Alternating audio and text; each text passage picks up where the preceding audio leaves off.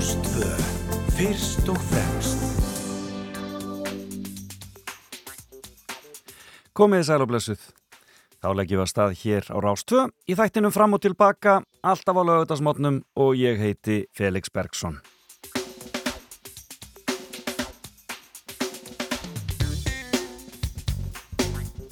Og nú er hann fann að blása norðan og þá er aldeilis fallegt veður hjá okkur í Vestubænum í Reykjavík. E, var indelt að koma út í morgun og fá sólina svona í andlitið.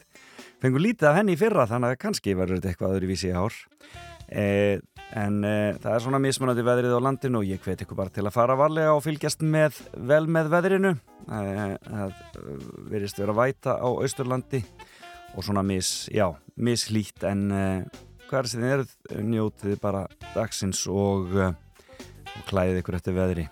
Í dag ætlum við að hafa það hugulegt eins og alltaf í þessum þætti. Ég fæ góðan gest hér í fimmuna, það er engin annur en fjölmiðla konan Knáa og ljúfa Viktoria Hermannsdóttir sem ætlar að segja okkur af fimm vinnustöðum en hún var byrjuð að vinna uh, já, eins og vittlismanniska sem batnað aldrei í seljakverfinu og uh, hún ætlar að segja okkur allt frá þessu hér á eftir.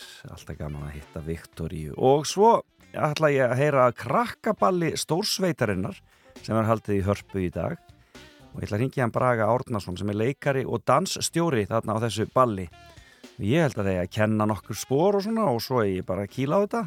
Ég held að þetta verði mjög skemmtilegt. Og um, ég vissum að Bragi getur sagt okkur betur frá þessu hér eftir nýju og svo er það fréttageturinn ég ætla að skella í eina fréttageturinn í dag og sjá hvort að þeir vinnur okkar hjá Krauma lögum ekki á einu gjafabriði fyrir þann sem að þann sem segrar e, eða næra svara þrema spurningun rétt. Hún er nú ekkert alltaf mjög auðveld hjá mér en það á ekkert alltaf vera auðveld í lífinu, þannig er þetta nú bara en e, það er komið svona sömar í fólk og já, hvað að reyna að finna eitthvað skemmtileg sömarlög, byrja þætti á næstunni á skemmtilegum sömarlögum og og það verið gefnar út svona sumarlaga hérna sapplötur og þar fann ég eitt gammalt og gott sem ég ákvaða að væri lagdagsins. Endilega er ekki, er ekki einmitt sumarið tíminn til að byrja á föstu Hér er Bjarnar Guðlöfsson og Pétur Kristjánsson. Gaman að rifja þetta upp. 16 ári sambúð og það alls saman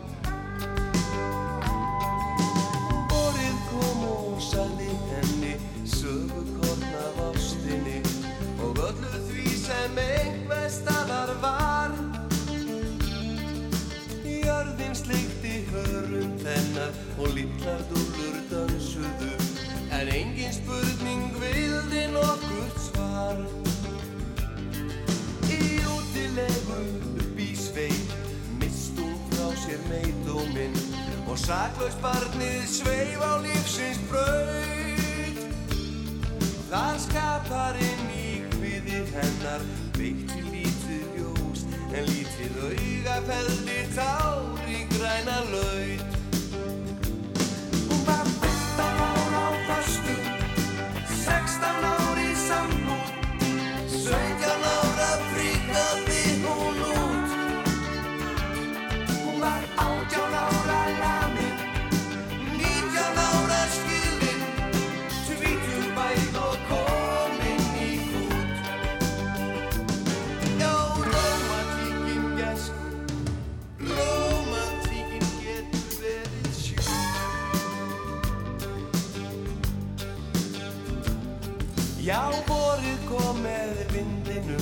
og síndi henni skýja mynd. Þá var það svo unanslegt og blíkt og bleikir draumar dansuðu en dagurinn í bláma beig. Í náttfattinu nam hún eitthvað nýtt. Hún var 15 ára á bastu,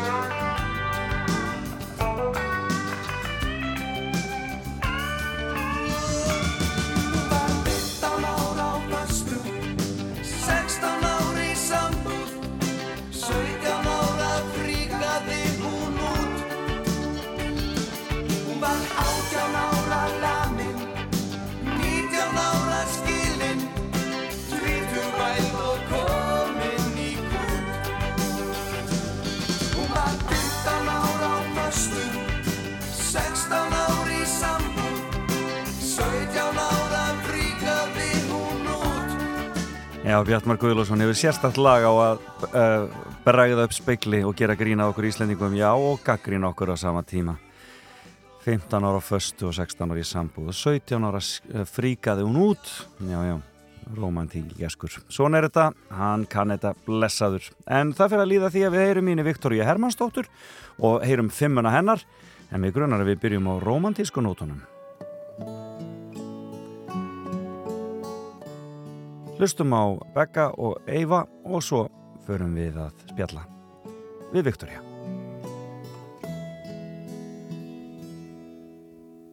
Kanski er ástinn sumum sæluhús í svörtum norðan byr og hún vekur vonum munað og hún veitir hjartan syr.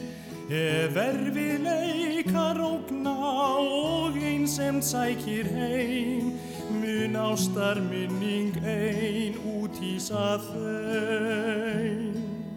Kanski er ástin eins og gluggi og opnar stofudir og hún býður þér í bæinn og betra líf en fyrr og þótt þig beri langt af leið leindan villu stýr mun ástin vísa vel og vernda þig. Og mjúk er ástin eins og ský en einnig hörð sem stál. Og einum er hún vani en öðrum hjartans má. og stundum endist ástin vel þótt ímsum hverfum sér og hún er mörgum eitt og öðrum vafa fér Kannski er ástin eins og sjórin full af öfgu, köld og hlý. Líkust eldi þegar út er kallt og æstum þrömu gný. Ef allt að óskum gengur og eilífð býður mín mun endast allar tíð mín ást til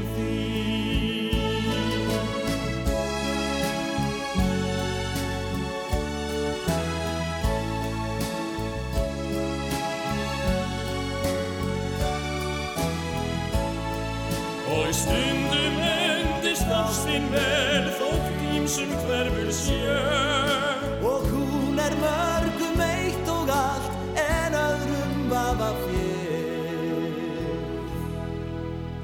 kannski er ástin eins og sjórin Full af auðum köld og hlý. Líkust eldi þegar út er kallt Og æstum frumu gný Ef allt að óskum gengur Mun endast alla tíð Mín ást til þín.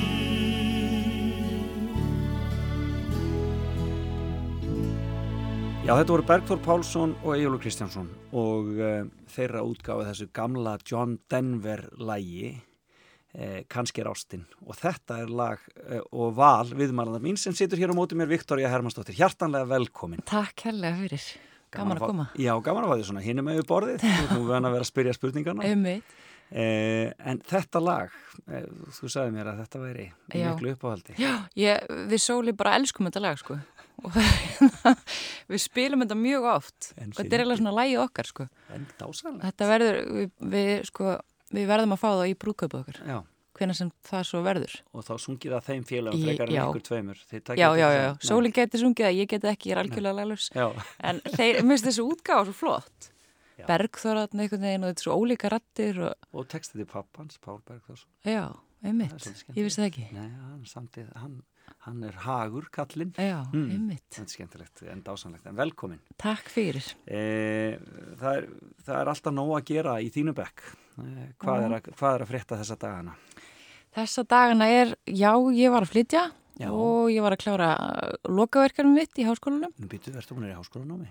Ég er búin að vera svona með vinnu. Ég, Ok. er búin að, ég tók diplóma í hagnættri menningamölum fyrir nokkrum árum Ok, og svo einhvern tóman rak ég augunni það, ég þyrti bara nokkra áfanga til viðbóta til þess að, verður komið master. Já, þannig ég hef verið svona að taka einn og einn áfanga hér og þar og svo hef ég verið að íta lokaverkarum undan mér. Frábært. En svo ákvað ég að, sem sagt, ég er búin að vera að gera heimildamind líka, svo er ég alltaf að vinna svo mikið og eignar spötn og eitthvað svona en ég er alltaf með þetta svona sko, til hliðar. Já, þannig ég nýtti fæðingarólöfið ég klára heimildamyndina frábært. og meistarverkarmið með því að skrifa um heimildamyndina Brilja. þannig ég sameinaði þetta tvent Já, býtu hvaða heimildamynd er það? Hún heitir Velkomin Átni og fjallar um mann sem heitir Átni Jón Átnason og hvernig hann svona óvænt komst í samband við já, mögulegan hálbróðu sinn. Ég gerði, Já, já, gerði þátt fyrir áseitt fyrir nokkrum árum einmitt. þar sem að hérna ég fjallaði um þetta og, og hann er mér svo, hann er svo einstakur hann átni að, að mér langaði svo að gera meira.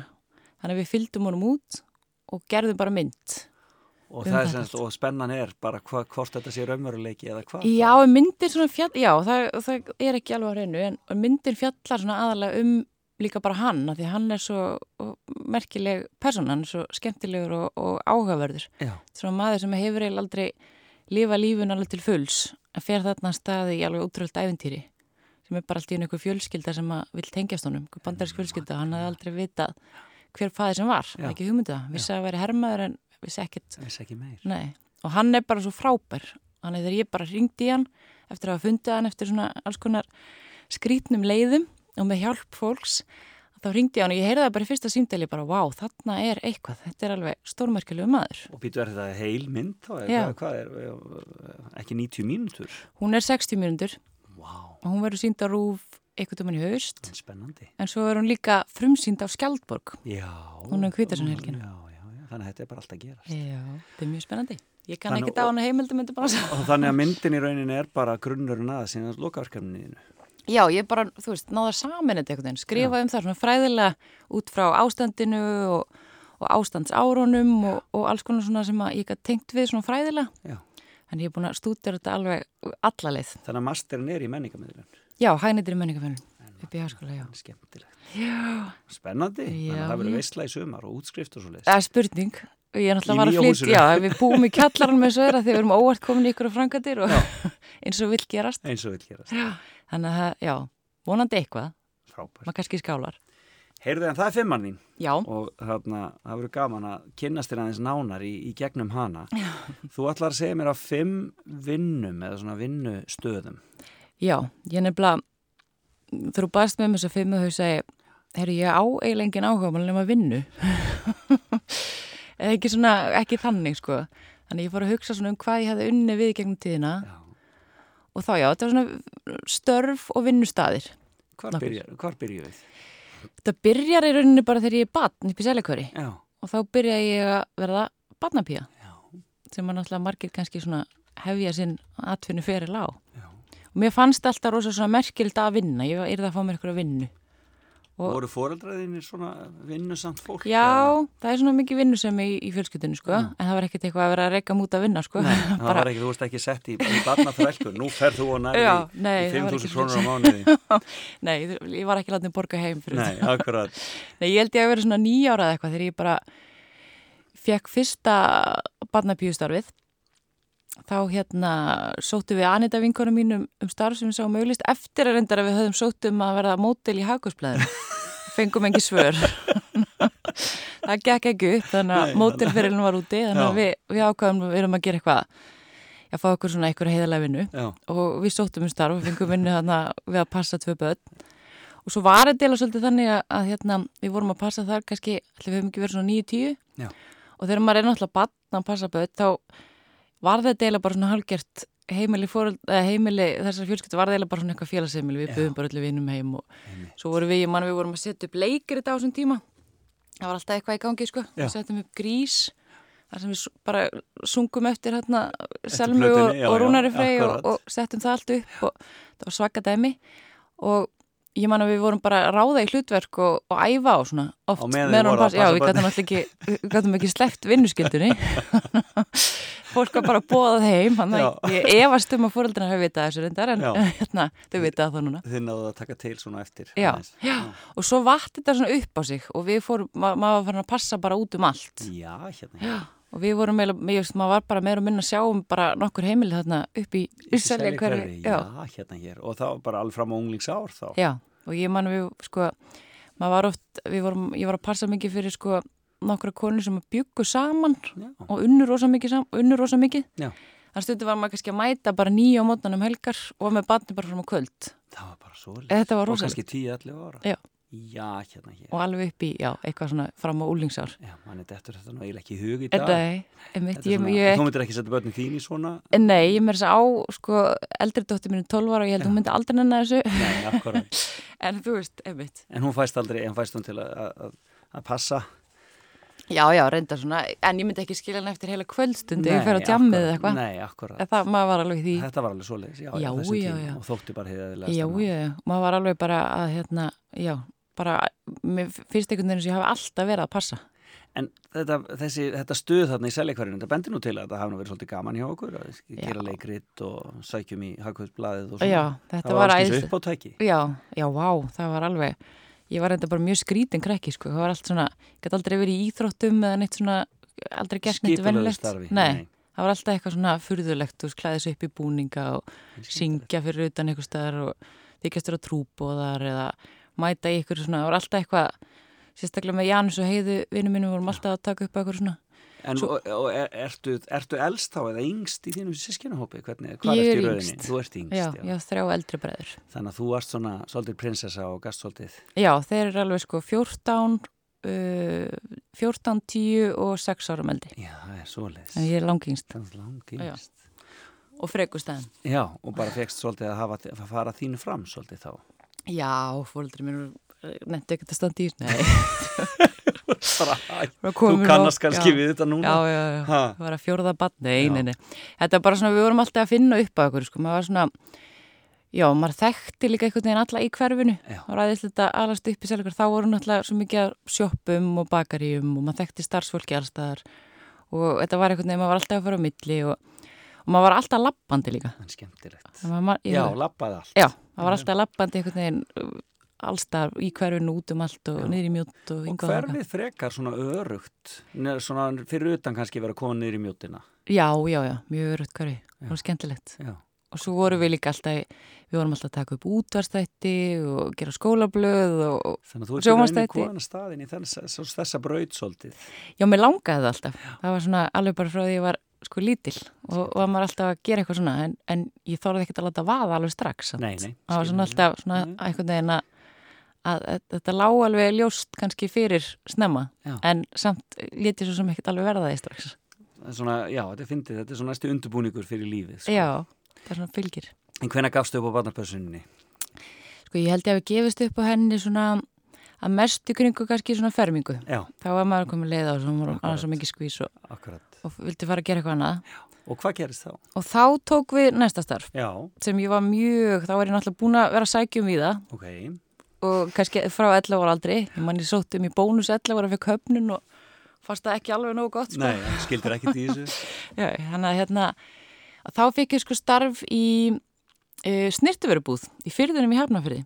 Hjá, þá var ég 13 ára, Já, hjá mömmu vinkonum minna sem heit- heitir, vinkonum minn heitir Anit og mamma hennar heitir Halla. Já. og þá byrjaði ég að vinna í, í fyrðunum í Hafnafyrði, tók bara strætið þangað eða eitthvað. Og fór að selja bara snirtiförur og, og snirtiförur og skarkgripi og svona alls konar bara. Og fannst það mjög töff.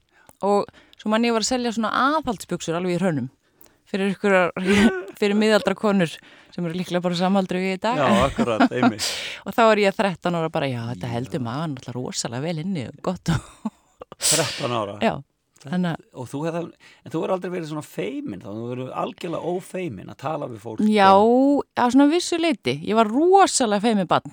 Ég bara Ok. var alveg sko, bara hjekk í mömmu minni bara alveg, þú veist, ég þorði alltaf að tala. En svo reyfi ég kæft svona í örgum hóp, sko. Já, En hérna, ég var mjög feimin. Ég var bara svona, á svona minningar að mér bara vera alveg svakalega feimin, sko. Og það hefur alveg fyllt með stundum. Ég er alveg feimin í mörgum aðstæðum, sko.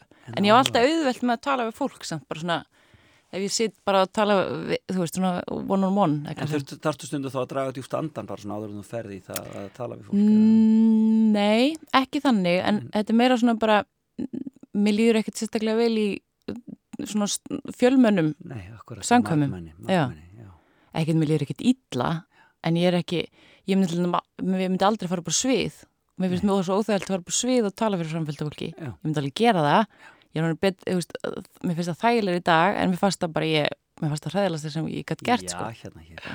en samt vinn ég fyrir í sjónvarpi og svona gerist þetta. En Já. þetta hefur verið svo, og þú hefur þá tekið bara strætó úr mjóttinni í Hafnarfjörðin Já, og heim aftur. já, ég man reyndir ekki hvað þetta var lengi en ég man ef mér fannst þetta mjög merkilegt og spennandi og svo út frá þessu fór ég að vinna úlingsverðanum alltaf í svona fatabúðum og, og, Ok. og alls konar þannig svona, 13 ára, í, þetta er náttúrulega svolítið sérhæfing líka að vinna í svona snirtiföruverslun. já, þetta var náttúrulega bara í gegnum þessa mömmu vinkunum minna sko Já, en hérna- þannig, en þú veist að læra, þú veist að læra þá varaliti og Já, þetta var- og eitthvað svoleiðis. Já, þetta var ekkit kannski svakalega mikið úr og ekki kannski svo sérði styrsturdöldin í Hagkaup, þetta var Nei. svona meira svona kannski svona sveitalegri búð sko, Já. svona grútlegri þannig að þetta var, þetta var stuð ég man reyndar ekkit hvað Og þetta var var lengi Anita það þarna líka? og hún nefndi náttúrulega ekkert að vinna eða og ég nefndi ekkert að standa í þessu þannig að ég mætti bara þarna á, á svæðið og sáum þetta Vel gert. ég held ég að vera svona 13-14 Og í hvað skólum ertu á þessum tíma? Þú ert, ert alltaf í seljaskóla. já,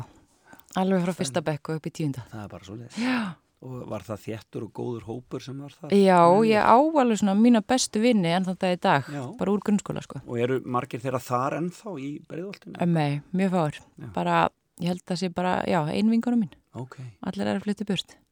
Sem er mjög leiðilegt, sko. Og mamma mín og pappi líka, því að alltaf þegar ég kem á mjótinni, þá líður mér þess að ég sé komin heim. Það að keira upp Og það langar að fara í brekkuna, já. Já, og mér var langar að hafa eitthvað svona meira, hérna, Eitthvað já, eitthvað að fara, sko. En þú veist, þessu, fyrir fólk sem lutar landi, það kemur einhvern veginn heim og, og þekkir alltaf. Já. Það minna kannski þannig að þú kemur upp inn í eitthvað hverfi, sko. En skólinn var góður og svona upplöður það? Eða hvernig þeir eru lítið Já. tilbaka? Já, já, hann var það. En Hélt ég náttúrulega var um bara svolítið svona, já, þú veist, var svona fast gaman að vera með eitthvað svona smá læti. Þannig að það var ekkert alltaf svona eitthvað fyrirmynda nefnandi, sko. Lentur í vandræðum eitt? Já, ég var með reikin úr skólanum. Ólöglega vil ég meina. Hvað gerður þá? Um, ég, ég svaraði eitthvað um kennara og ég vildi meina hún væri ósangjönd við mig. Já. Ég var svolítið í þessu, sko. Já. Það var svolítið svona að vera að taka slægin. Það var mannréttindin Já, í hávegum. já, það var þannig sko Þannig ég held ég að verið 14 ára eða eitthvað þegar ég var ekki í skólanum og, og allir nefnundir stóðu með mér sko Það Það var, var bara svoleiðis. já, það varði uppreist Þannig að hérna um, Já, en það stóð stutt sko það, það leistist, ég mætti þarna í hvítri draktmanni með, með hérna skjálatösku og fund skólastjóra og, og með þessum kennara og það urðu sættir Það þau sættir. Eftir á búið reykað úr skólan. Já, já, já, þetta var stutt, stutt stopp Stuttur. Ég, já, stuttur brottrekstur. ég var ekki, ekki sammála því að, að þessi kennara neita að kenna mér eftir þetta. En og, og eftir þess vegna var ég ekki í skólanum en svo, svo urðu sættir. Já, Þannig hún kenndi mér. Já, já, þá var ég nefnitt farin að vinna í hagkaup í Já. þar. Þess vegna átti ég þessa hvítu drakt Já. sem ég notaði örgulega aldrei, hvorki fyrir henni síðar. Ég hefði þetta- hann að grútsölu hann í hagkaup. Er þetta þá 15 ára? Þannig er ég svona 14, 15, já. Og ég fór að vinna þar og þar var ég að vinna með önnu Kristínu vingunum minni Já. sem var nú einu svona að vinna hérna upp á Rúf og er að vinna hjá Marel núna og þá hérna hún var að vinna þarna og, og reddaði með vinnu Og þetta er í kringlunni þá? Nei, smáralind Já. Því við, ég auðvitað, við skrópuðum í skólanum til þess að mæta opnum smáralindar Mér minnir að það hefur verið tíund og tíund og nú leitt Stór, stór dagur. Það var stór dagur í okkar lífur og löpum frá breiðaltinu og sáum þess að rísa verslunarmiðstöð Já. vera tilbúna. Þannig já, við, ég fekk vinnu þar og það var eiginlega svona, sko ég hef engan áhuga tísku að fötum með hann einu, en mér finnst alltaf svo gaman að tala við fólk. Mér finnst mjög gaman að vinna í svona búðum að því að maður hittir svo mikið að skemmtilegu fólki, Já. alls konar fólki. Og hérna, og Anna Kristín hlæður ofta að því að sko, við vorum svona 14-15 ára ég var svona komin strax með svona minn kunnahóp sem kom svona spurði um mig og Já. það var svona kannski svolítið sérstætt fólk sem að mér fannst náttúrulega frábært og skemmtilegt og ég, það hefur svolítið fyllt mér í gegnum tíðina að svona að það, að það laðast oft að mér svolítið svona Undalegt lið. já, bara svona kannski ekkert svona sérstaklega vennilegt fólk Nei, sem er auðvitað skemmtilegra bara Og hvað varst að selja í haugköp? Það var bara það allt voru sem bara var- född Já. dömdildinni, Já. eitthvað svona född og alls konar já, född og náttfödd og eitthvað svona ég, bara alls konar svona dótt svo eftir það fór ég að vinna sko í Next og Nóa Nóa þannig ég var alltaf í ykkur svona með bransa. skóla, já, en þetta er svona þriðja, þetta er svona þriðji hlutin af þessari fimm, eða ekki? Þessi, Jú. Þessar fataveslanir. Jú, Og, og, og, og en gekk alltaf hjá þér að vera í skóla með allir þessari vinnu? Já. Fórst í mentaskóla síðan Já. veist, og, hver, og í breiðholtinu þá? eða? Nei, við nefnilega að því við vorum alltaf uppreist og þá völdum við að fara í fjölbrutaskóla við Ármúla sem líklega fáur hafa valið sér. Já, Um, að því okkur fannst það bara, mér Janus og heiði æskuvinum minn fannst það voða sniðið að fara sko ekki í breiðholtið, vera ekki með krökkunum og breiðholti, heldur fara í fjölbrutaskóla við Ármúla og við, meira þess að það var ekki að því við varum eitthvað hræðilega engunir eða eitthvað. Við hefðum alveg komist inn í eitthvað mentaskóla en bara okkur fannst þetta eitthvað frábær hugmynd. já. Þannig að við fórum þar og eittum mentaskóla árunum bara hann í múlunum og var það ekki bara inn? jú, það var, þetta var náttúrulega kannski, þetta er kannski, þú færði ekki sama, ég sé það frá öðru vinum minn sem að voru í mentaskóla, að þeir eignast svona meiri svona bekkjarvini og einmitt. við vorum aðalega að kynnast starfsfólkinu En og kennunum skólans. Og hvernig var fé- félagslífið ekki kannski einn stert þarna eins og í mörgum öðrum skólum? Nei, og svo voru við líka svona alltaf, við höfum alltaf verið svo skrítin að við, okkur fannst við alltaf einhvern veginn ekki alveg passa inn, sko. En fyndið. Já, vorum alltaf að gera eitthvað svona eitthvað annað fyrðulegra eitthvað, þú veist hingum frekar okkur um kaffehúsum eða eitthvað alltaf svona, gætum aldrei verið svona fyllt eitthvað í línu, sko. En skemmtilegt. En ertu, ertu ennþá góðu vinur Janusur og Heiðu? Já, þau eru bestu vinnir minn En skemmtilegt. þannig að þessi hópur úr sko grunnskóla er, já, við, mörgum finnst það mjög sérstætt að við erum bara alveg ég held að séum alveg yes, við erum alveg hátt í 10-15 sem að svona höldum svona stór hópur og svo kannski minni hópar enn á milli Þetta er briljant. Já. Heyrðu, skulum taka okkur smápósu og heyra la, annað lag sem þú valdir. Þetta er svona kannski nær okkur í, í, í pop tímanum. Eh, John Grant og Ellen Kristjáns.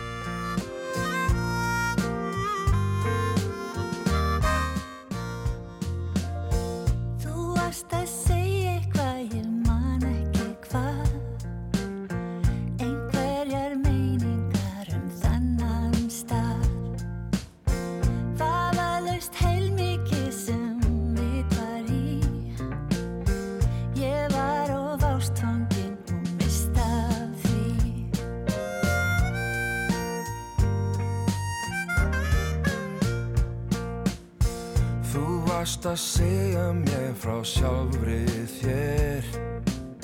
Satt best að segja fór það fram hjá mér. Því upp á heiminn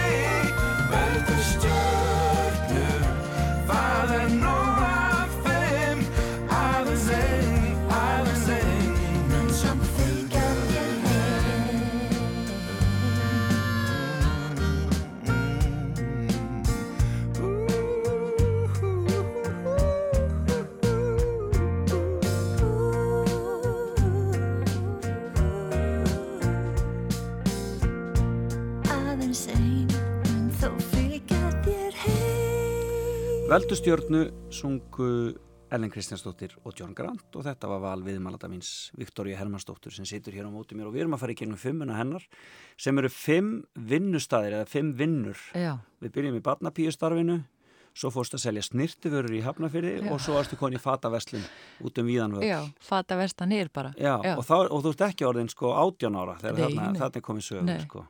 Ég fór að vinna einmitt svona, einmitt, fór, að, fór í alls konar verslanir út frá þessu og, og ég kynntist svo mikið af svona konum sem voru miklu eldri en ég og, og þekki það ennþá í dag, indislega konur sem ég held alltaf sammáttu við. og hafa kannski nýst þér í þínu, þínu sinast, í þenni þáttagerð síðan og svoleiðis hefur geta gripið í einhverja sögur þar sem að Öruglega eitthvað sko, ekkert sem ég man akkurat núna en svona alltaf, maður er náttúrulega alltaf einhvern veginn með alls konar. En þú ert mikil sagnamanneskja, þú hefur gaman af sögum, sögum fólks og að segja sögur. Já, það er eiginlega bara of mikið sko. Ég hef, hérna, ég hef, já, ég held bara einmitt þegar maður fyrir að hugsa um sko þetta svona út frá hvað maður hefur gert og, og þó þetta sé nú kannski ekki öll störfin sem er unnið, Mm að þá er þetta svona rauðu þráður í gegnum allt. Þetta er alltaf bara fólk. Já, einmitt. Það er gaman að- heyra sögu fólks og að því að fólk er líka alltaf bara með, það er alltaf einhver saga. Það við eru með algjörlega og það, og það, og það, en þá kemur líka inn þessi menningammiðlun og þetta með að, að, að, að vilja mi- mi- miðla því sem að svona tengist okkur og, og mannlífinu og Já. öllu saman. Einmitt. Um, en þú fer ekki að færa það yfir í fjölmjöla, hvað er fjóruða starf? Sko, já, það er nefnilega, það var svolítið gott að fara í það, sko, þá var ég búin að klára mentaskóla Já, og fekk sumavinnu hjá bílaðumbóði já, og á símanum sem bróður minn er að vinna og var að vinna og er ennþá að vinna, hann er búin að vinna þér í svona 25 árið eitthvað og bara frábært, en það var ekki alveg fyrir mig, sko, ég var á símanum já.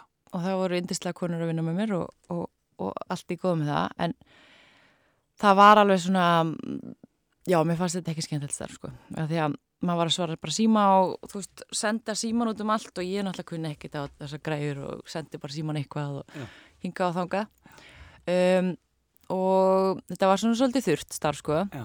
og svo en þeim greinlega fannst ég svona mikið með þetta að þau báðum um að vera koma á skrifstofan til sín ok, fram á um veturinn og sem var bara flott og því ég ætlaði að taka mér svona smá pásu frá, frá Námi. áður ég fær í háskólan og En þú varst ákveðin í því að fara í háskóla alltaf þannig? Já, ég var bara svona ákvað að taka mér smá pásu og, og sjá hvað ég vildi gera Já. og hérna og þannig ég og ég var flutta heiman aðna og, og fann að búa og, og, og flutta heiman bara 17 eða eitthvað því ég hef alltaf verið svolítið að drífa mig í lífnu Já, eftir á séð þá hefði ég kannski bara að aðeins að slaka. Slaka eins og, já. þurfu ekki alltaf að vera í vinnu með námi og allt þetta en það verður að vera nóg að gera. Og svo hérna já, þá fyrir ég að vinna á skristofu og þá bara svolítið sá ég hvað ég vildi ekki gera. Já. það var alveg fínasta fólkan en ég var alltaf tvítug, algjör gelgja.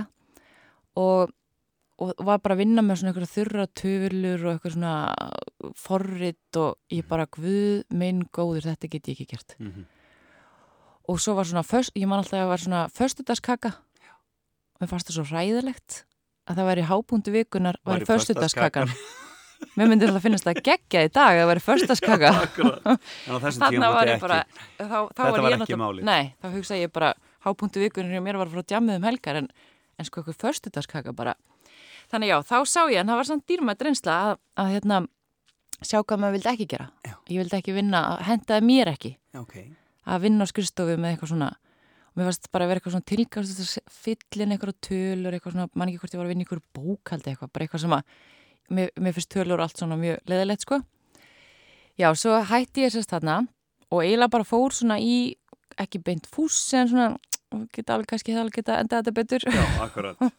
Að því bara ég var eitthvað svo byrja á svona stöðu sem ég var komin í það var ekki endilega fólkin að kenna sko. En um, og þar fór ég að og þá fór ég að vinna sko í gilda kettinum. Þá fór ég aftur í, já og það var, þá var ég að vinna með vinkonum mínum Ása og Jónu sem ég hefði þá kynst og sérst nei, móður sýsti þeirra og maðurinn hennar hafði svo haugur þau áttu þá búð og eiga þá búð, reikanaði þá í Öststræti Já. og það var rosa skemmtilegt af því að þá var bara, þú veist, það var svolítið svona kúrbúð og rosa fjör og, og líka að þá kynntist ég sko öllu útigangsfólkin í Öststræti og það varst mér náttúrulega æðislegt. Það því var að þar kíkja í voru sögur sko. já, já, það var að já, við þekktum, já. Það var, það var alveg það var einhvern veginn þekkti maður alla og ég kemur ennþá óvart að því ég er að vinna hana sko 2007 eða eitthvað. Og hérna um, já, til 2010 ábyggla uh, og var- fór svo í háskóla með og eitthvað svona og, og ég, stundur sé ég ennþá mennir í bæ sem að voru á Magnað. þegar ég var þarna sko. og þá þekkti maður alltaf þetta voru svona, fólk var að koma að spjalla og ég man að Sæfas í Selski var að koma og spjalla við okkur og, og svo voru Sigrun og Beggi sem að voru kraftgalapara þegar þau voru úti í öllum Einmitt, veðrum og vindum Akkurat. og bara maður þekkti allt þetta fólk og, og svona kynntist ég og sá að það var meira bakvið heldur en bara þetta var rónar á götunni, þetta var allt fólk með, með mikla sögur Akkurat. og hérna og fólk og það var sama það að þetta er, þetta er alltaf eitthvað eitthva meira að baki sko. þannig þetta var, var mjög skemmtilegu tími og, og, og fyndin Já. og svo þegar ég verð sem sagt ólétt 2010 Mhm. þá var ég ólétt að henni byrtuminni Já. og þá einhvern veginn bara svona ákveði heyrði, að því að mér langaði alltaf að verða blaðamaður Ok. Þannig var ég orðin 23 ára og var bara svona, herði, ég var eiginlega alltaf að býða eftir þér uppgötuð. Þú veist, eitthvað myndi Ókei, segja, herði, erst já. þú ekki frábæra blaðmaður? Já. En Sem það það- gerðist ekki. Það er ger, þú veist, það gerist ekkert, þú verður bara að koma þér sjálfur. En í hvað háskólan varstu komin þá? Þannig að- Ég fór í mannfræð, Já, á þessum að því ég hugsaði, sko, það var ekkert svona fjölmjölafræðinám, ég fór náttúrulega ármúla líka því það var eitthvað svona fjölmjölafræð braut þar Ókei, og já. dró Janus og heiðu með mér þangað Já. í múlana og hérna, og það var sko, um, en svo var ekkert svona bíanám nema bara á Akureyri. mhm. nema, og ef maður færi út Já. og hérna, þannig ég eh, sá fyrir mig að vera gaman að fara í mannfræði því það væri svolítið svona eiginlega rannsóknarferðir Og og, góður grunnur í já, þessu, geti nýst manni en ég var svona ekkit, mér langaði náttúrulega alltaf að í fjölmjöla en ég, þú veist, það vantaði svona einhvern veginn að- taka skrefið, sko og þarna var ég ólétt 23 ára og hugsaði bara, heyrði, ok, veistur ég ætlaði bara að vera að vinna í fatabúð, ekki að sé neitt af því. Nei. mér fannst þetta mjög skemmtilegt og, og margir er góðir, ég bara hafði engan áhuga á tísku og gæti ekkert bara að vinna í ykkur búð bara til að spjalla við fólk. Akkurat. þannig að þá svona tók ég skrefið og, og fór e, og sendi reyni trausta sinni meil að hvar get ég fara að vinna, ekki bara fara að vinna á djefað og fór eitthvað svona og sendi bara aðtöku hvort hann hefði sumastar fyrir mig þó ég væri ólétt. Og, og hérna og hann kallaði mig að tunnvital manni og, og ég fór bara og, og sagði hann alltaf að ég væri ólétt og, og þetta var þú veist í februar eða mars eða eitthvað, ég var þú veist ný, ný kannski komin 2-3 mánuða leiðin skil. sagði samt frá því Já. þannig þá fekk ég vinnu bara um sumarið og mætti bara orðin kassa og létt bara byrjaði að vinna þar í ykkur stuði og það var alveg stórkustlu vinnustöð sko. af því þar kynntist maður bara svo miklu alls konar ruggli og skemmtilegu og, og alls konar fjöri sko. Já. alltaf þessum tíma var kannski fjölmjölun aðeins öðru sér enn í, í dag og ég læriði alltaf ógislega hratt að því maður bara henda stað Já, veist, það var ekkert um neitt annað að ræða. Nei, ég held ég að bara verið með, þú veist eitthvað, næstu í síðu viðtal bara fyrsta daginn, sko. Það er bara svoleiðis. Já, og það er ótrúlega dýrmættu skóli, sko. Að vera bara að henda af stað og, og, hérna, og þurfa bara að taka ykkur viðtöl og, og, og bara gera hlutina. Og lendur þá einhverjum æfintyrum þarna á DFF? Já, alls konar. Fyrst náttúrulega, ég byrjaði náttúrulega að vera hann ólétt með eitthvað svona óskilgreinda meðgangu kvilla, hann var alltaf að líða yfir mig. Já. En ég var bara að taka ykkur viðtöl og svo bara datt ég út og Já.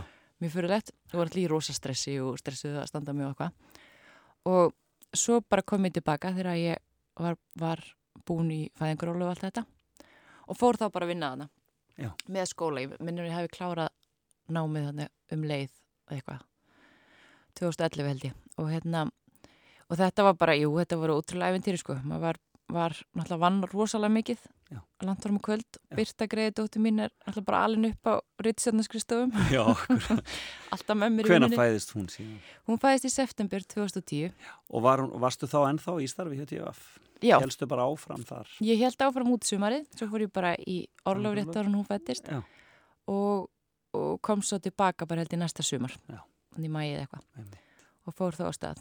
Og þér eru líka vel að vinna mér var stað frábært. Og þetta var mjög skemmtlegt og náttúrulega rosa klikka margt og við vorum náttúrulega bara fjallum ykkur að glæpa menn og maður var oft skítrættur og, og alls konar og en þetta var svo spennandi og skemmtilegt. Og líka skemmtilegt þess að þetta var svona þetta var svo mikið heild sko. Þú veist þetta var svona það, djefafæðan að vera keift út úr byrtingi held ég. Já.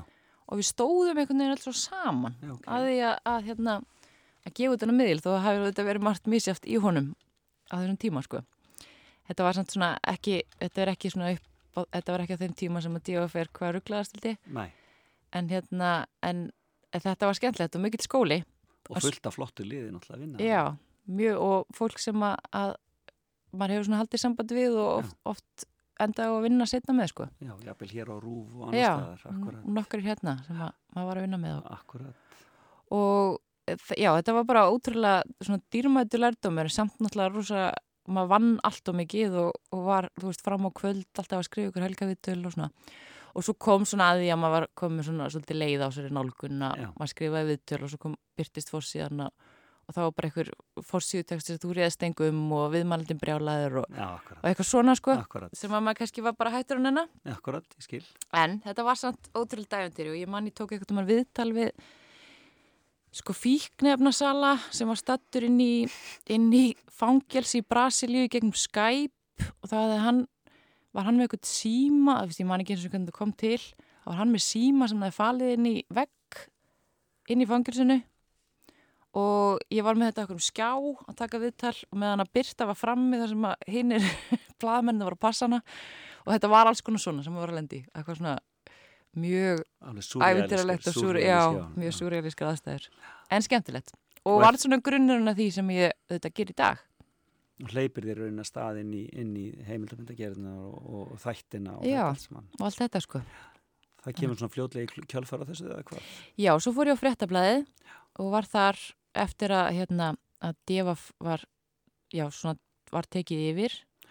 Komið nýjur eigendur og þá fór ég á fréttablaðið og fór í hérna já, var það rítstjóri Helgablaðsins meðal annars og með förstu þessu það var svona fyrsta fyrsta skitt sem ég fór að taka útvarsvitul mér varst það mjög skemmtlegt og, og já, svo bara svona einhvern veginn uh, þróaðist það, það verið þar í, í tvö ár svo kom ég hingað yfir á rúf Eitt leiðir af öðru. Já, og þetta var allt, allt svona, einhvern veginn, já, bara mjög dýrmætti lærdómur allt og maður, og maður hugsaður oft til þess hvað maður var sko, maður fyrir að finna allt, finnast allt svo eðlilegt og maður er ekkert að pæla í svona hlutum í dag þó maður sé með eitthvað þátt, maður er auðvitað alltaf stressar að kemur eitthvað nýtt og allt það. Einmitt. En ég man bara eftir þessa tilfinningu bara þegar ég fór og pröfuvakt á DFF og skrifaði sko frétt á vefin og nafni mitt var undir, ég, ég man ég var svo stolt, mér fannst þetta svo geggjað, þú veist bara eitthvað frétt á vefin, mér Já. fannst þetta svo æðislegt, ég var bara svona, vá, Þetta ég er bara komin hana. Þannig er maður bara lent. En þú sagði mér áðurum við byrjum að spjalla, þú ætlaðir aldrei að eignast einn börn eftir barnapíu hérna ferilinn. nei, ég passaði yfir mig sko. En það fór nú aldrei öðruvísi. Já, þú er ég með fimm, Já, þrjú sem ég hef átt og sem fikk ég tvö tvö, svona klús. tvö góð í, plús. Já. Og þarna, en, en þetta hefur gert alla tíð bara með þessari fullu vinnu í rauninni. Bara, Já. þú veist, varstu ein með byrtu í eitthvað tíma? Já, við vorum, já, frá þenni svona þryggjara, þryggja fjara, eitthvað svo leis. Það voru, já. Og svo byrjuðum við sólið saman þegar hún er sex ára. Já. Þannig að þetta er svona, hún var náttúrulega á pappa sinu líka, sko. Eða þetta, já, já, auðvitað. Þannig já, þetta var, já, alltaf með, sko. Var alltaf verið með mjög marga, Bolta, á lofti. Og er, En- það, er líkar er það þannig? Ertu svona frílansmanneska í svona í grunninn? já, ég, mér, mér finnst það skemmtilegast, sko. Það hafa nóg að gera, þó ég bölvið í stundum. Já, En le um leið og það kemur ykkur ró, þá eru komnar 700 hugmyndir, sko. Og það er alveg, Þannig að þú upplifur aldrei óöryggið í þessu að það kom ekki launatjekki um Nei. mánaðamótin og svo leis. Nei, og ég náttúrulega er svo, svo sem alveg, ég er svo núna er ég komið haust aftur í landan og, og svo leiðis hann ég alveg starfi hér Já. en hérna, nei, ég bara eiginlega hefur þetta verið sko þetta er stundum bara ofmarkar hugmyndir og- stundum er ég, að því hausunum er virkað þannig að ég fæ eitthvað á heilan þegar hugsa um eitthvað, ég fæ gjössanlega heilan og ég bara skoða allt um það og verða að vita allt um það og kannski eitthvað mál eða eitthvað. Og stundum er ég bara svona, ég vildi ég hefði meiri tíma til þess að gera meira. Þau, veist, og ég er alltaf svo rætt um einhver annar gera það líka. Það er 24 tímar í sólavíknum. já, sko. Það með öll þessi börn en það er nægu tíma til að gera þetta líka sinna Heyrðu, það er barnapíustarfið, það er snirtufur að verslunni í fyrði í Hafnafyrði, hagkaup í Smáralind, 14 ára eða 15 ára, gildi kötturinn í Östustræti sem bjargaði þér af, af vondu skrifstofunni já. og, hana, og divaf. já, ekki kannski vondu skrifstofu, þetta var góð skrifstofu og þetta var bara ekki Þetta fyrir mig ekki starfið sko. nei, Já, akkúrat. þetta var gott fólk Þetta er gott fólk en, en ekki fyrir, ekki fyrir Viktoríu Nei, það er dýrmætt að vera í þannig starfi Sannarlega og líka bara að komast að því hvað maður vill Dásan þetta að fá þig til mín í, í fram og tilbaka og ég óskaði til hamingju með nýju myndina og lakka til að sjá Takk Það er. Skjaldborg bara núna bara eftir nokkra vikur? Já, hvítarsinu helgina, það var hann fyrir umsýnd. Já, hérna, og svo rúf í haust. Já. og svo kemur til okkar í landan segiru Já, ég er að koma í haust núna. Verða næsta vetur og að gera fleira þætti og alls konar fjör. Spennandi, gangið er allt í hæginn Takk, Takk fyrir. Ken je het gevoel dat, dat je droom niet uitkomt? Ben je wel eens bang dat het altijd zo blijft? Want het regent alle dagen en ik zie geen hand volgen. Jij en ik toch samen, dat zou altijd zo zijn.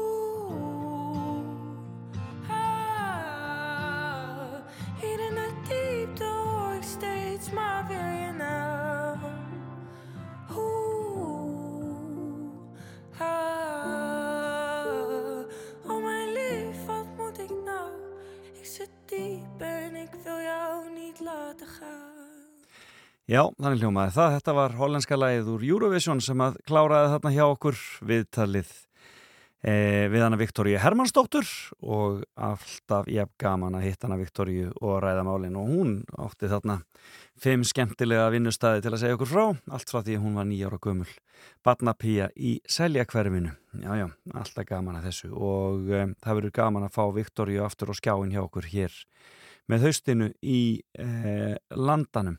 En það fer að líða að nýju fréttum hér hjá okkur á Rástvö og um, e, síðan ætlum við að halda áfram í þessum þætti. Hér eftir nýju ætla ég að heyra af krakkaballi stórsveitarinnar e, sem verður haldið í hörpu núna bara í dag og ég ætla að ringi hann Braga Átnason og svo ætlum við að skella okkur í fréttagetur en þá getið þið ringt í mig og reynd að vinna ykkur inn e, gjafabrif hjá þeim í náttúruböðunum Krauma í borgarfyrðinum og svo er svolítið gaman að velta fyrir sér hvað svona ég dregu upp sem, sem helstu fréttir vikunar reynum að hafa þetta svona sæmilega skemmtilegt í, í þessum erfiða fréttatíma. Það er eh, mikið að leiðinlegum fréttum líka þessa dagana en við reynum að forðast þær eins og við mögulega getum. Endum þetta fyrir nýju á nýju lægi frá henni Unu Torfadóttur. Það er aldeilis efnileg tónlistakonaferðinni lag sem heitir Ann Beint úr efstaleitinu í Reykjavík. Fram og tilbaka á Rástfö.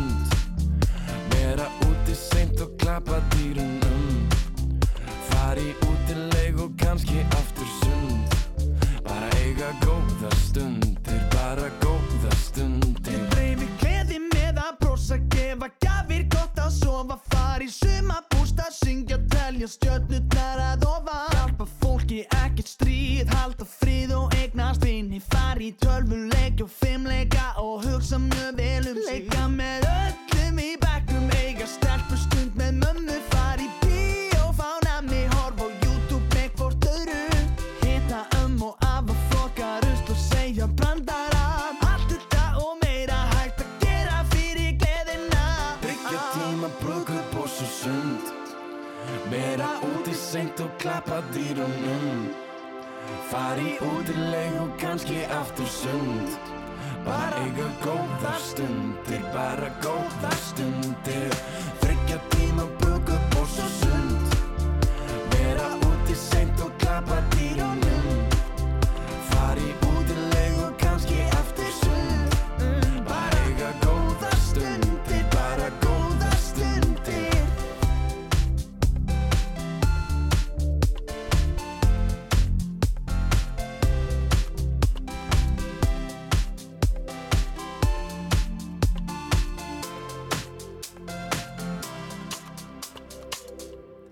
Komið sæl aftur, þá höldum við áfram hér á Rástvöðu. Þetta er þátturinn fram og tilbaka og við byrjuðum á Jópi og Króla þarna og lag Berna menningar hátíðar í ár. Þryggja tíma brúðköp, þetta er algjörlega brilljant og það sem er náttúrulega svo skemmtilegt við þetta lag er að eh, það eru börnin sem að e, börnin sem að eh, eiga textan, þau senda inn hugmyndirnar af því sem eigi að vera í læginu og það fær að fara þangað inn og e, eigum við ekki að hlusta? Það er gaman að fara í sund og svo kannski bara fara aftur í sund setnibartin, af hverju ekki sko?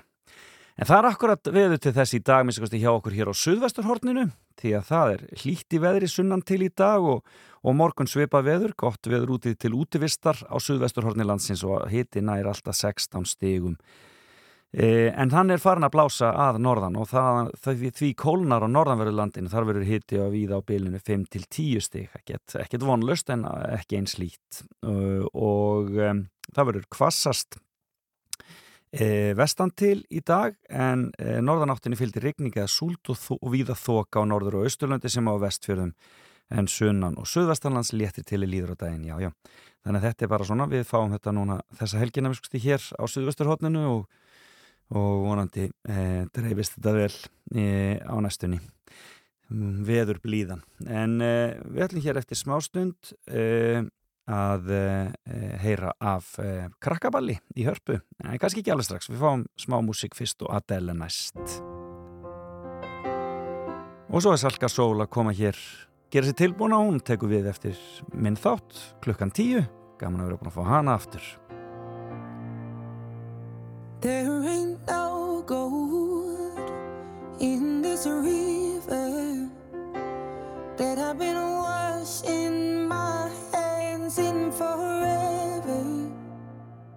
I know there is hope in these waters, but I can't bring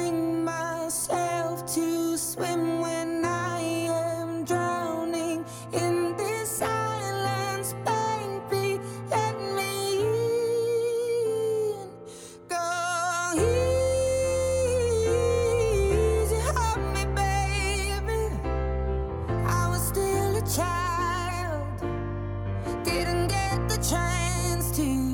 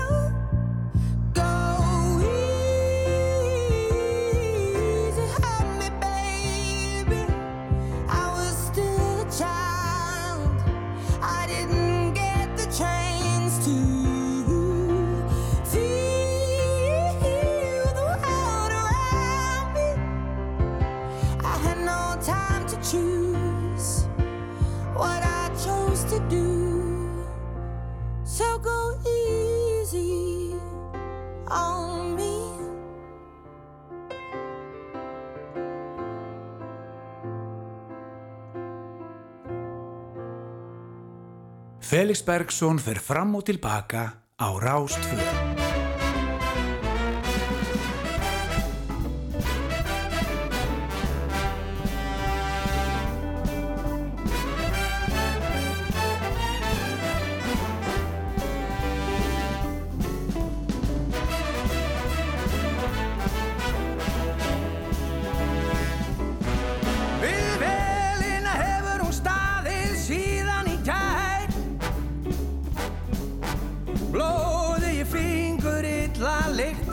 Tær Þúsund þorskar á færi bandinu þokast nær. Á skrifstofunni arðræningin sittur og hlær. Viljinuritti sínir afkostunir minn í dag en í gær. Mm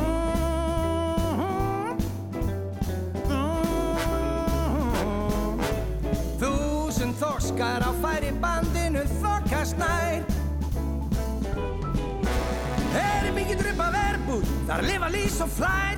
Þó á ég lítla sjómar frýst í kistu sem hlær. Yeah.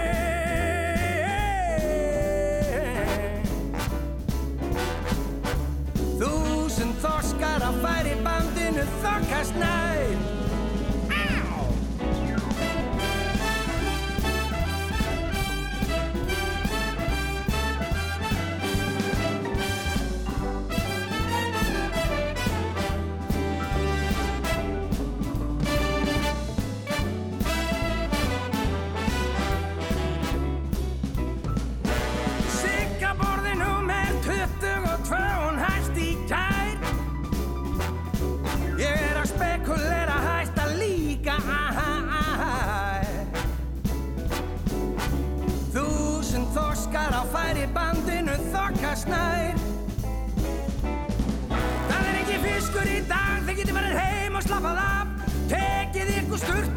farið í bað.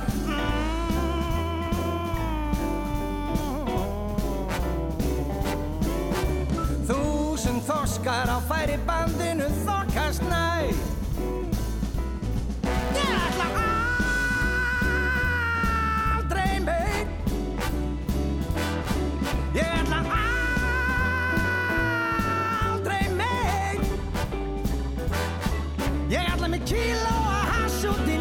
í náttúrun að fíla sjálfa mig þar sem ég, þar sem ég hlæ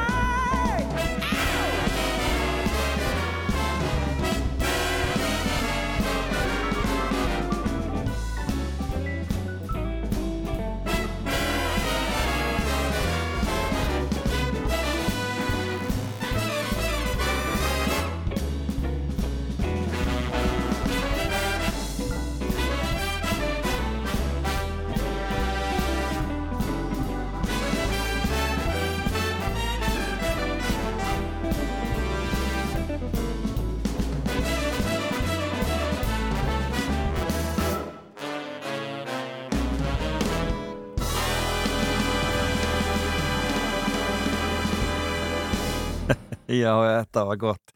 Stórsveit Reykjavíkur og Bubi Mortens aðna og uh, Ísbjarnar Blues, en Stórsveitin stendur í stórræðum og það er krakkaball sem stendur fyrir dyrum í dag. Og í símanum eða í tölvunni er hann Bræi Árnason leikari. Heyrur í mig Bræi? Ég heyri skýrt og vel. Frábært gott. Þetta er þessi Toy Story í gamla dag. Já, já, já, það er snákur í stífulniðinu.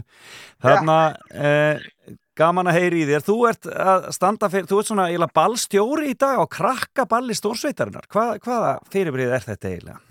Já, þú segir nokkuð. Þarna eru bara komið saman í svona representerar eða svona fórsvarsmenn, svona hérna ímisla listamanna sem að hafa verið að gigga eða koma fram í hörpu Já. í svona mismunandi myndum. Það er allavega ég fyrir hönd sveiflustöðarinnar en ég er í framkvæmda sveiflustöðarinnar sem er dansskóli sem kennir Lindy Hop og aðra sveifludansa tengda og er svona svolítið reglíf utan um, um, um sveiflu menninguna á Íslandi En skemmtilegt. og hérna þetta er alveg svona rosalega skemmtileg svona swingtónlist frá 30-sinu, 40-sinu og 50-sinu svona í elgama dag Svona New Orleans, svona New Orleans stemning einhver. New Orleans og New York og þetta er, svona, þetta er náttúrulega margþætt al, algjörlega þetta sko. Þetta svona var um sveitir og þetta er dansar sem að þróðust inn, í, inn á búlum, inn í, inn í kofum, á bannárunum náttúrulega, það sem mátt ekkert. Og hérna, þá var, var fólk bara að brugga náttúrulega og, og, svona, og, og það var bara gaman, mann ótt. Hérna, þannig að það er svona þessi kultur og, og síðan er stórsveitin sjálf að hérna, stórsveitin ekki einhver að spila undir og hérna þau, þau bara alltaf spila undir dansi í, og, og við verðum svona, svona, svona í díalóg saman, ég og hún og það er Eiríkur Rapp Stefánsson mikill mestari hérna að hérna stýra því öllu saman. Og um, og síðan er þetta líka það er svona þriðja, þriðji þátturinn og það er, það er við kynnum þarna hérna rými sem heitir hljóðhimnar og, og svona segjum fólki frá því sem er í hörpu sem ég, við fengum báðir hérna að kíkja inn núna þegar við kíktum á fundi í vikunni og, og það er rosalega, hvað er það, eiginlega bara svona fallegt og, og, og er magna herbergið sem getur farið svona á milli soundscapea eða heima. Svona, hérna mismunandi tónlistar, það hefur verið að kynna börn og ofugana líka fyrir hérna klassískri síkildri tónlist á mismunandi tungumálum, þannig að þú getur bara farið um víða veröld í gegnum tónlistina. Já, já. þetta er bara í svona, þú setur heyrnatól á þig og ítir á takka og, og, og þá kemur þessi, þessi, þetta, þessi aria og þetta lag og svo framvegis og framvegis. Svo hérna, svona, þannig að þetta er svona, það kennir ímis að grasa. Þannig að þetta verður svona ævintýra dagur í, í hörpunni, sem sagt, já, þetta er tónlistaræfintýri tónlistarævintýri. Og hvað ætlið að dansa mikið? Ætlið að dansa alveg í klukkutíma eða eitthvað? Hvað, hvað verður þetta langt? fólk, sko, ég veit að þetta er mjög dansótt fólk, það ætla nú eitthvað fólk að koma úr senunni og eins og við veitum þá er náttúrulega búið að vera dálítið svona, það er ekki mikið búið um dans, jú, jú, þetta er svona að koma aftur eftir tvö ár og- Akkurat. faraldurinn búin að segja, hafa sína, hafa og hérna, ég, ég meina það er svo gott veður, ég meina allir fólk bara, ég veit að það er öruglega fyrir að vilja ykkur halda áfram út á bryggju, sko. Ég hafa bara svoleiðis, já.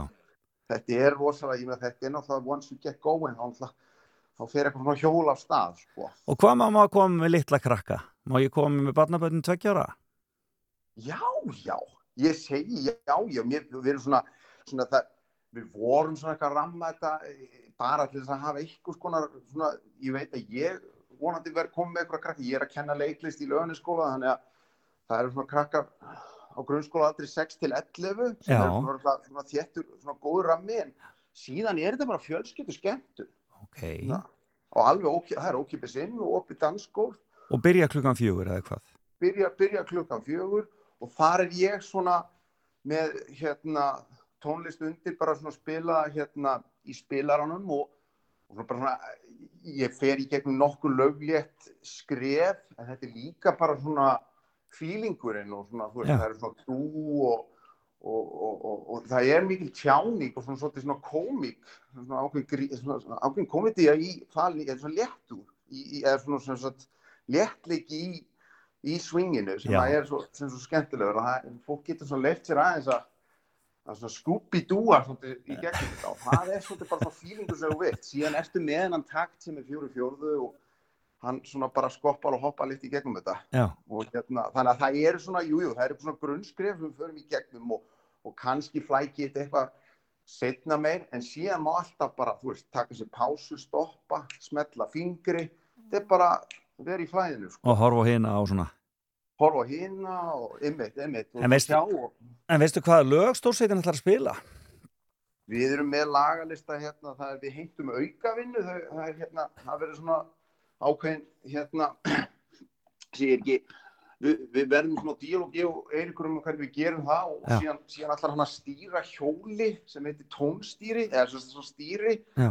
Og, og hann ætlar að pröfa svona, heyrðu, við stýrum í þess átt og sjáum, heyrðu, það er svona einhver latínsveifla og að pröfa hana og Frábært. þá, þá svona pröfum við mismunandi stíla það verður in the mood gamla góða og, og fleiri, fleiri klassikerar sko En skemmtilegt. lænað upp allt frá svona árum og þessum, þessum, þessum tímabilum já þetta er einmitt bara svona, bara svona bara skemmtilegt finnst mér stóru essi Frábært. Og þetta, eins og segi, byrja klukkan fjögur í dag í hörpu, ókipis inn og allir velkomnir. Og All- kannski svona allir. krakkar, krakkar upp úr sex og, upp úr svona sem að geta þarna lært spórin og, og komið með í stuðið. einmitt, einmitt, bara allir og engin dans rosalega gaman að fá veist, þau sem hafa dansreynslu og þau sem hafa ekki sko. það getur allir. Og harpa, er, allir. og harpa er húsið okkar allra þannig að við eigum að nýta það og uh, þegar við getum. Einmitt, ekki þetta er- spurning. Þetta er í sannum flói Já. Hérna, það eru svona risastóri það er hérna, gluggar í mig út af sjónum og Já, það er inn á neðstuhæðinni eða ekki eða hvað þetta er neðsta hæðin, já Briljant Bara- Þetta verður alveg frábært. Kærar þakkir fyrir að segja okkur frá þessu Bræði Átnason og gangi ykkur vel í dag. Já, takk fyrir kærlega, sjáum búndi Kæra Bara þakkir. Æ, ah, það er bara- slögt í á honum, blessuðum. En já, við vonumst til þess að sem flestir nýti sér þetta og skelli sér í hörpu í dag. Fáum meira af stórsveitinni. Það er eitt stórsöngvar í búinn, Bubbi var það, en ef við ekki að hleypa Agli Óla sinna.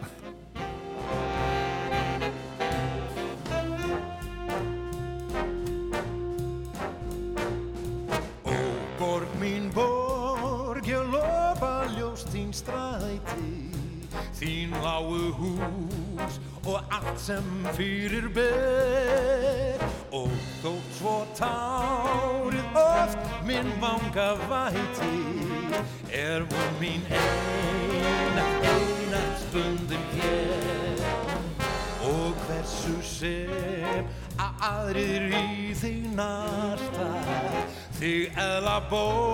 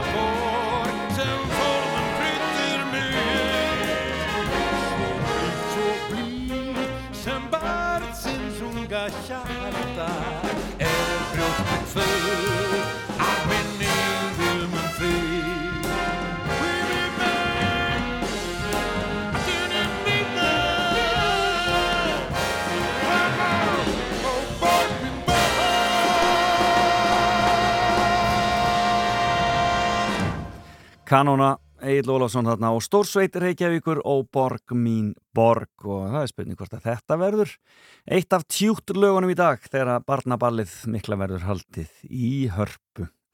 Byrja klokkan fjögur. En uh, Eurovision lögin er að byrtast víða, ég spyraði hérna í morgun hollenska lagið frá því í keppninni, en STN sem að vakti mikla aðtikli, en uh, annað lag sem að er komið inn á til dæmis breska vinsaldalistans er, er sænska lagið. To apologize. Cause there's nothing to regret. Well, this is not what I wanted. Guess all the good things come to an end. So, baby, bye bye. Wish you the best. But most of all, I wish that I could love you less. Well, maybe you're right. Find someone else. You say it isn't me, but when did that ever help?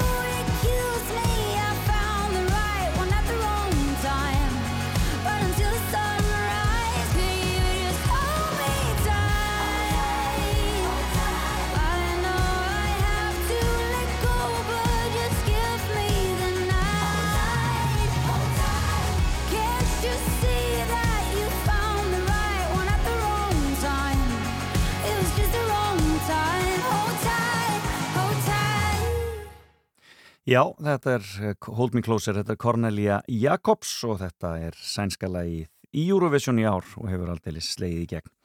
En það fyrir að líða fréttagetrun, fáum hér auðlýsingar og eitt lag og svo skellum okkur í fréttagetrun og þá getið þið byrjað að ringja á símin eins og áður 5687123 5687123 og eh, ég, hvet ykkur hvar sem er á landinu til að ringja velunin eru gjafabrif í Krauma og það geta allir farið þangað Eh, og eh, það er ímislegt búið í fréttum vikunni er gaman að heyra nýja rattir sem hafa ekki ringt áður í fréttagetunum það þarf að svara þremur spurningum rétt eftir smástund Rástfö.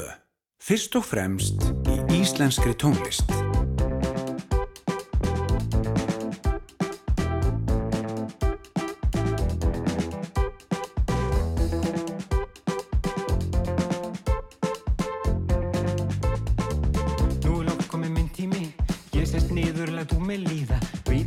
Hvað mig langar í Svo ég ákveða hingrað eins og býða Er það lakrís eða hlaupangsi? Bara það sem veldur ekki bakflæði. Eitthvað sem lina mína þjáningar Og vekur ekki upp á þægilegar spurningar.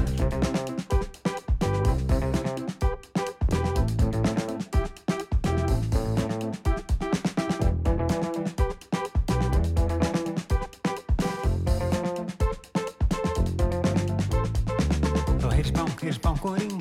Aðmelaði spyrja og ég lifna aðeins setja högun í gólfið Bý mig undir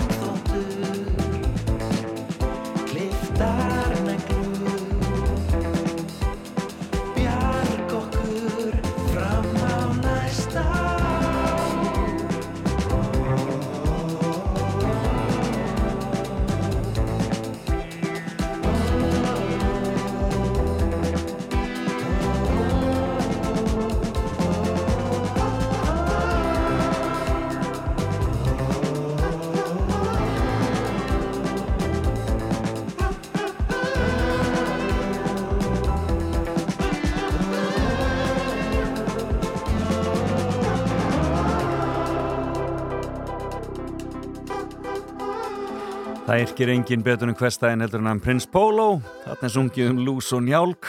Var hann ekki línir af nýlega með lagum útigrillið. Algjör snillingur. En það er komið að fréttageturinn. Nú meði byrja að ringja 5687123 5687123 Það þarf að svara þremur spurningum rétt.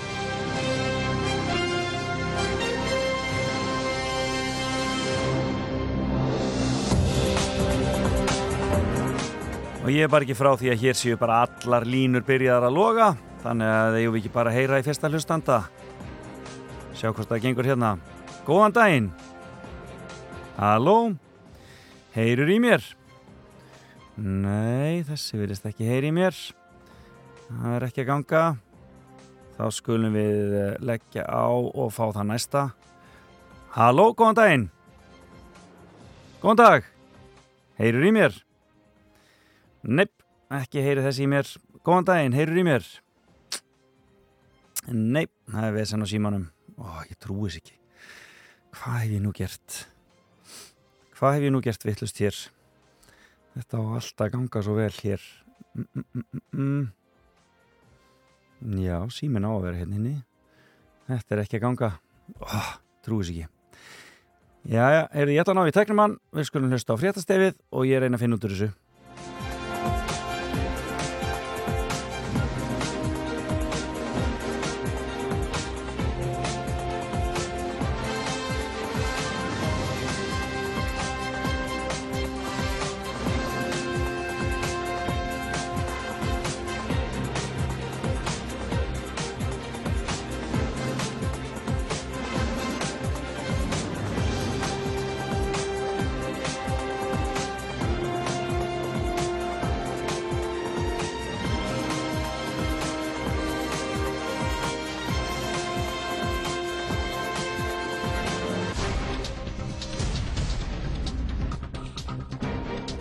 Við reynum aftur, góðan daginn, heyrur í mér? Nei, við komum að þetta heyrir greinilega ekki í mér, þannig að við þurfum að tjekka það næsta. Um, nei, þetta er ekki að ganga hjá okkur hér.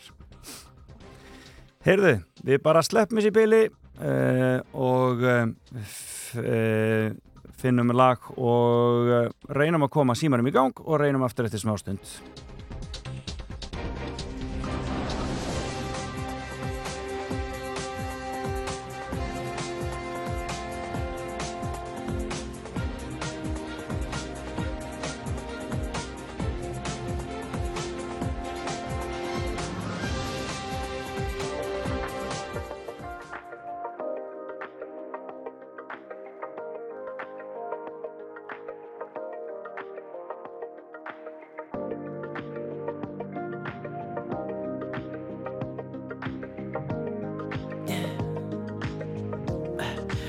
Tell me what you really like. Baby, I can take my time. We don't ever have to fight. Just take it step by step. I can see it in your eyes. Cause they never tell me lies. Já, en nú á þetta að vera komið hjá mér, þannig að nú reynum við. Góðan daginn! Góðan daginn. Sæll og blessaður, já, hérna hér. Þetta hafðist, eh, ég byrði ykkur Já. afsökunar, byrði afsökunar á þessu vesinu öllu saman hérna. Og þá sem eru búin að vera að ringja og ég er búin að vera að skella á hérna villevekk. Heyrðu, hvaðan er þetta að ringja? Heyrðu þú Reykjavík? Þú ert í Reykjavíkinni, í góða verinu. Sittur í sólinni, Í, kannski? já, já, ég ger það. Ég er að drekka kaffi mitt hérna úti. Það er almennilegt. Ánæði með þig. Heyrðu, þá ætla ég að spyrja þig. Byrjum bara á þessa krafti. Heilbriðsíföld í Fraklandi, Ítalíu, Svíþjóð og Ástralíu rannsaka nú hvort ákveðin smitsjúkdómar hafi komið upp þar í löndum, en staðfest smitt eru víða. En hvað heitir þessi sjúkdómur á íslensku? Það er ekki apabóla. Apabóla, hári, hjá þér. Maður nennir ekki að fara að díla við apabólu, ertu ekki sammála því? Jú, mjög sammála því. Þú ert sko. mjög sammála því, já. Heyrðu, flott mál, þú ert komið eitt rétt. Heyrðu, það voru sveitastjórnarkostningarnar e, og Kristinn Jónasson bæjastjóri er að hefja sitt sjöunda kjörtímabil. Hann hefur gengt bæjastjórastarfin í 24 ár og hefur enginn af nú starfandi frangatastjórnum sveitafélags verið lengur í starfi. En hvar starfar þessi Kristinn? Og það er þarna fyrir norðan. Já, hvar fyrir á, á, á, á, skalu hvað heitir þetta? Já. Norður Norðurbyggð, nei, þetta er hérna Æ, þetta er Þórsöfn og, og, og, og, Langanessun og þar Nei, það er ekki rétt hjá þér. Nei, Þannig að ok, þetta er bara rámt. Þannig að kæra þekki fyrir að ringja og halda áfram að njóta sólarinnar. ég gerir það, takk Takk fyrir, já, bless. Já, nei, þetta var ekki rétt hjá honum, en það var spurningu næsta. Góðan daginn. Já, góðan dag. Blessaður. Veist þú hvar hann er eh, sveitastjóran Kristinn? Eh, Snæfellsbæ. Það er hárétt hjá þér. Hann er í Snæfellsbæ og búin að vera mikið í fréttum út af þarna stittunni frægu. Jú, jú. Inn Já, í, já. inn í, inn í flauginni. Hvernig líst þér á það mál? Já, þetta er leiðindamál. Já, já, já. Það var svona, þetta var áhuga, ja. áhugavert. Þetta, þetta létt okkur samt svona, svona sumum lundina í, í hérna, versta COVID-ruglinu. Það er nú örgl, það er. Örgl. En hvaðan er þetta að ringja? Ég er ennústaður á Akureyri. Já, og er hvernig eh, blæsa á ykkur þar? Er, er sæmilegt veður hjá þér? Það er svona hægviðri og, og skíjað og, og svo sjöstega hiti. Ekkert að þessu? Nei, nei, nei. nei. Gott að heyra. Heyrðu, þá ætla ég að spyrja þig hér. George Bush, fyrirhandi bandaríkjafórsiti, fordæmdi innrás rússa í Úkrænu í ræðu sem hann flutti í vikunni í Texas. Já. Ræðan hefur farið sem eldur í sinum netíma því að Bush rugglaði Úkrænu saman við annað land og ég spyr, hvaða land var það? Írak. það rári hann var nú sagt fljóturlegið rétt þetta, sagðist bara að vera orðin 75 ára, hló bara sjálfum sér. Já, já. Hann er alltaf búin að Já, já. segja þetta orðuruglega oftar en önnur á nokkuð tíman á sínum ferli. Já, einmitt. Þetta, var, þetta var dálítið fyndið því að hann var náttúrulega að fordæma mann sem hafði ráðist inn í uh, inn í annað land og já. svo Írak þannig að kannski var hann bara að fordæma sjálfan sig eftir allt saman. Heyrðu, nú er spurning hvort að þú nær þeirri þriðju og vinnur uh, Þú voru að hafa hann eitthvað létta. Á að hafa hann að létta, já, þetta er er nú dálítið létt hjá mig, sko. En Já, við skulum halda okkur aðeins við... En maður- maður veit svörin. En maður veit svörin, það er nú það sem er, sko. Já, já. Eh, hvert á ég að fara? Ég held ég fari bara uh, til Englands. Nú, En nú. lið í enska boltanum bjargaði sér frá falli í vikunni með ævintrilegum 3-2 sigur eftir að við lengt undir 2-0. Og ég spyr, hvaða lið var þetta? Ég veit, veit þetta, ég bara manna það ekki. Já, nú reynir á þig, sko. Já, Hvaða lið bjargaði sér svona ævintrilega? þú veist, ég eh, bara, ég er alveg loka. Ég, ég heyri, var að heyri þetta í gær, Já. síðast, en ég bara man ekki, man þetta ekki. Þannig að það kemur ekki til þín? Nei, það kveikir ekki. Engin, ekkert lið sem þú vilt bara svona skjóta á? Nei, sko, ég man, ég man ekki hvað, hvað, sko, það er allavega, nei, ég man það ekki. Bolton? Nei, ekki rétt. En takk fyrir að ok. ringja og kær kvæðjan Já, orður. sömuleiðis. Ok, takk, bless. takk, bless. Ég held ég var að gefa hann að meina auðvelda þarna. Nei, Bolton, já, nei, nei, þeir eru ekki. Já, góðan daginn. Góðan daginn. Já, góðan dag. Góðan Veist dag. þú hvaða lið var að bjarga sér svona ævintralega frá falli í vikunni? Herðu, það, það var eh, Evertón. Það er hárétt hjá þér. Vel gert. Já, takk fyrir það. Já, já, og vel gert hjá Evertónmönnu. Þetta var ævintralegt. Ég held að vera fallnir þegar ég hætti að horfa í hálfleik í stöðunni 2-0 en svo bara var það bara búið þegar maður kveikt aftur. Heyrðu, Þetta hva- gott fyrir stundum svona Evertón, ekki aðra. Já, nákvæmlega, já, já, við leifupúlmenn getum alveg glaðst yfir þessu. Við viljum miklu frekar hafa þá í deildinni heldur en íms aðra þarna. En þarna, heyrðu, er þetta að ringja? Herru, ég er að ringja frá Siglufyrði. Já, og hvernig er, er lífið þar þennan morgunin? Herru, það er afskaplega þægilegt og, og friðsælt og fallegt bara. Já, já, gott að heyra, gott að heyra. Eins og alltaf. Eins og alltaf held ég, já. Já, akkurat. Heyrðu, en ég ætla að spyrja þið næst. E, það gengur ímislegt á í Rúslandi en nú eru 850 veitingastöðum á ákveðinu tægi lokað í landinu og nýjum eigendum gert að skiptum nafn. Og ég spyr, hvað heita þessi staðir í dag? Uh, er þetta ekki McDonalds? Jú, jú, Hamborgarakeðjuna? auðvitað McDonalds, vel gert. Hárrétt hjá þér. Heyrðu, já, þá er það spurning hvort þú tekur þá þriðju hjá mér. Ég þarf að finna eitthvað, Ok. okay. eitthvað sæmilega erfitt hérna fyrir þig. Já, ég vil... Eitthvað sæmulega erfitt, já. Já. En tvö lönd sóttum aðild að NATO í vikunni. Og ég spyr hvaða lönd eru það, en líka hvaða þriðja land setti sig upp á móti umsókninni. Herru, já, þetta er nú búið að vera mikið fréttum. Þetta mikið. voru Sví, Svíþjóð og Finnland sem voru að sækja um. Já. En uh, frændur okkar Tyrkir eru uh, á móti. Já, akkurat. Hárrétt hjá þér. Þú ert alveg með þetta. Þetta var bara hárrétt. Hvað heitir maðurinn? Já, takk fyrir það. Þorvaldur heiti ég. Hversson? Ingimundarsson. Þorvaldur Ingimundarsson. Og hvar býrðu á landinu? Herri, ég bý nú í Reykjavík, Já. góð 5-6. En, Góð en, 5-6. en hérna, en nú bara stættur hérna núna um helgina. Heyrði, ég læti að senda þér uh, gjafabrefið í góð heima 6 Það eru glæsilegt. og byggjum kærlega helsa þangað og auðvitað norður á Siglufjörð. Njóttu, njóttu Heyrðu. lífsins. Skila því, takk alveg fyrir mig. Kær, takk kærlega, já, bless, bless. Já, það er bless. Já, þetta hafðist hjá okkur, við náðum að koma e, gjafabrifin út sem betur fyrr og, e, og það þýðir að e, það var hann Þorvaldur Ingimundarsson sem tók þetta hjá okkur.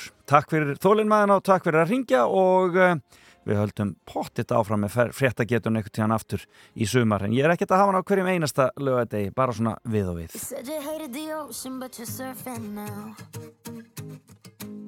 I said I love you for life, but I just sold our house. We were kids at the start, I guess we're grown ups now. Couldn't ever imagine even having doubts, but not everything works out. No, now I'm out dancing with strangers. You could be casually dating, damn, it's all changing so fast. I see love it, I see it. Yeah,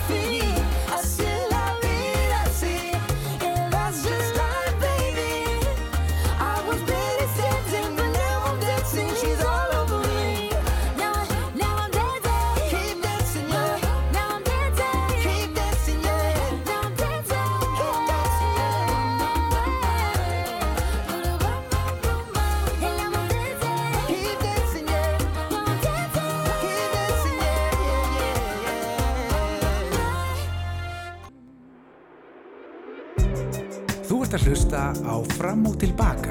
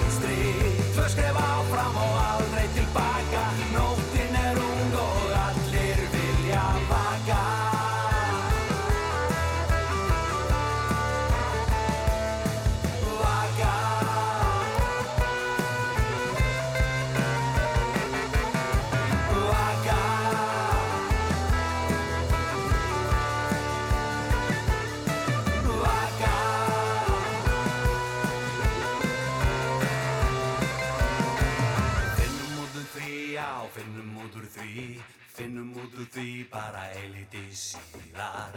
Við tvö munum finna út úr því Æfilega munum finna út úr því. Stígum í hringin og stolt til vinstri Föristu dansur í lífsins vinstri Tvö skref áfram og aldrei tilbaka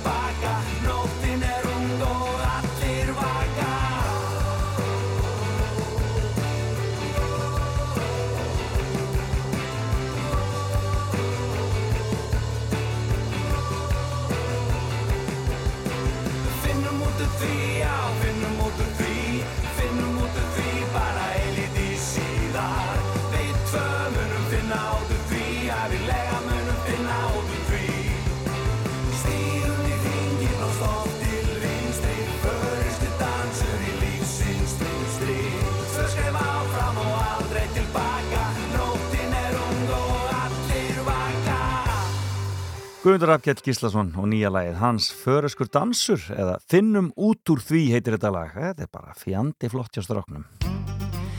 Þetta er líka fjandi flott. Er ekki komið svona smá sólar Stemningi menn, allir út að grilla og svo leiðis og skella sér út í kvöld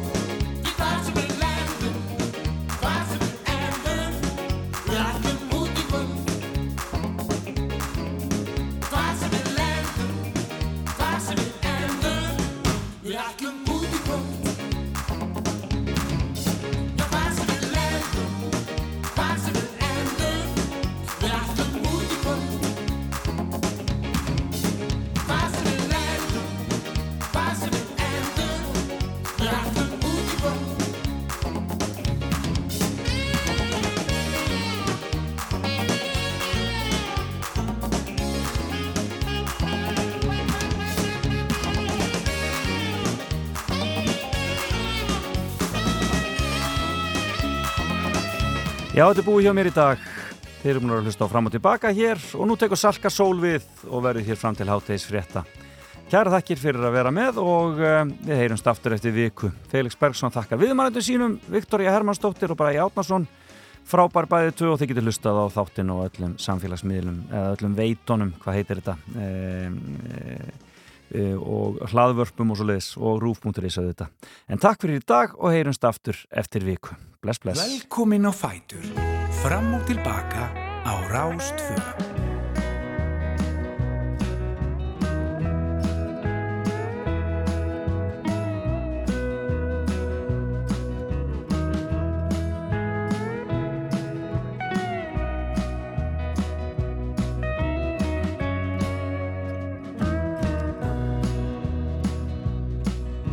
Grab your coat, shoes, let's go. Come on now, baby, come get lost with me. My hand in your hand, what more could we want? Every part of me craves your company. Gonna have fun tonight, bona fide.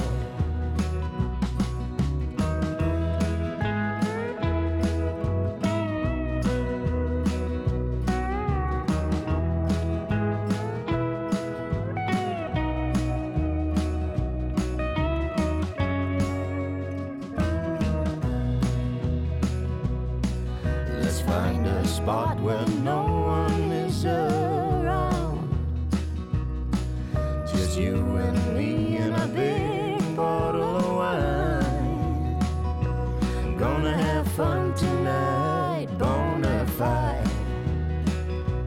Gonna have a hoot and come outside.